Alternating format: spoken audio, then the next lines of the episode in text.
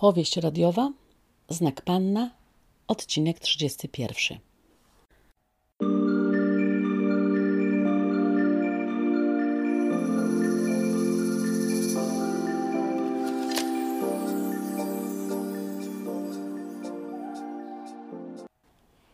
Sobota zbliżała się coraz bardziej. Marta starała się nie myśleć i nie wyobrażać sobie tego swatania. Zresztą w szkole działo się coraz więcej, więc i nie miała czasu na rozpamiętywanie tego, co nadejdzie. Robert też milczał. Wysłał co prawda dwa razy życzenia dobrego dnia, ale czuć było, że wyczekuje, wyczekuje na jej ruch. W piątek w szkole wybuchła awantura. Dyrektor nadal unikał kontaktów, Brigitte zaś zwyczajowo tak opanowana, jednak nie wytrzymywała napięcia. Najpierw wdała się w spór z uczniami z drugiej H, a potem wyburczała w sekretariacie, że od kiedy to dyrektor nie ma czasu dla pracowników i że to jego obowiązek tak organizować sobie czas, by mógł ich przyjmować.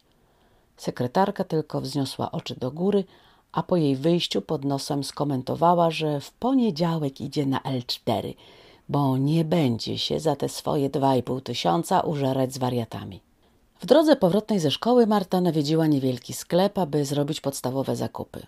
I jak to w piątek, kolejka do kasy była niebotyczna. Ale Marcie tak po prawdzie nigdzie się nie spieszyła. Patrzyła na ludzi, próbowała odgadnąć, kim są. Przysłuchiwała się ich rozmową i budowała swoje spostrzeżenia. Nagle, tuż za sobą, usłyszała kobiecy głos. Czy w tym sklepie obsługuje się kobiety w ciąży poza kolejnością? Kolejkowicze spojrzeli na wysoką, szczupłą kobietę trzymającą dwie marchewki w ręku i trzy bułki. I chyba przez ich głowy, jak przez Marty, przemknęła myśl. Ale o kim ona mówi? Jakaś aktywistka, czy co? Kasjer wychylił się z kasy i pytająco patrzył po pozostałych. Pytam, czy tu obsługuje się kobiety w ciąży poza kolejnością? Tak, odpowiedział niepewnym głosem kasjer. I kiedy tylko wypowiedział te słowa, kobieta ominęła wszystkich stojących, wypchnęła się w kolejkę jako pierwsza i triumfująco orzekła: Jestem w ciąży. A w sklepie, w sklepie powinno być wyraźnie napisane, że spełniacie takie standardy. Po kolejce rozszedł się pomruk i szum wymienianych poglądów. Niektórzy mało dyskretnie próbowali znaleźć oznak ciąży i nic. Marcie przeszło tylko przez głowę jedno, że z tak roszczeniową postawą tak kobieta poradzi sobie wszędzie. Przyszła matka została obsłużona z takim pośpiechem, jakby kasjer bał się, że zażąda promocji na marchewkę. Kiedy tylko opuściła sklep, jeden z mężczyzn nie wytrzymał.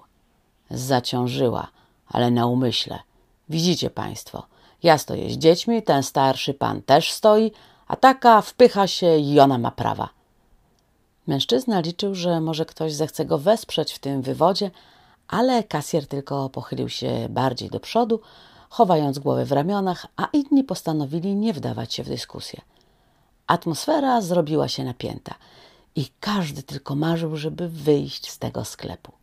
Kiedy Marta była tuż przy kasie, nagle rozległ się dzwonek jej telefonu. W zasadzie nie musiała patrzeć na ekran komórki, bo po dzwonku wiedziała, że to dzwoni Jadwiga. Wypchnęła komórkę głębiej do kieszeni, żeby dzwonek nie przeszkadzał klientom sklepu i pospiesznie pakowała zakupy do torby. Tymczasem matka nie odpuszczała. Dzwoniła i dzwoniła.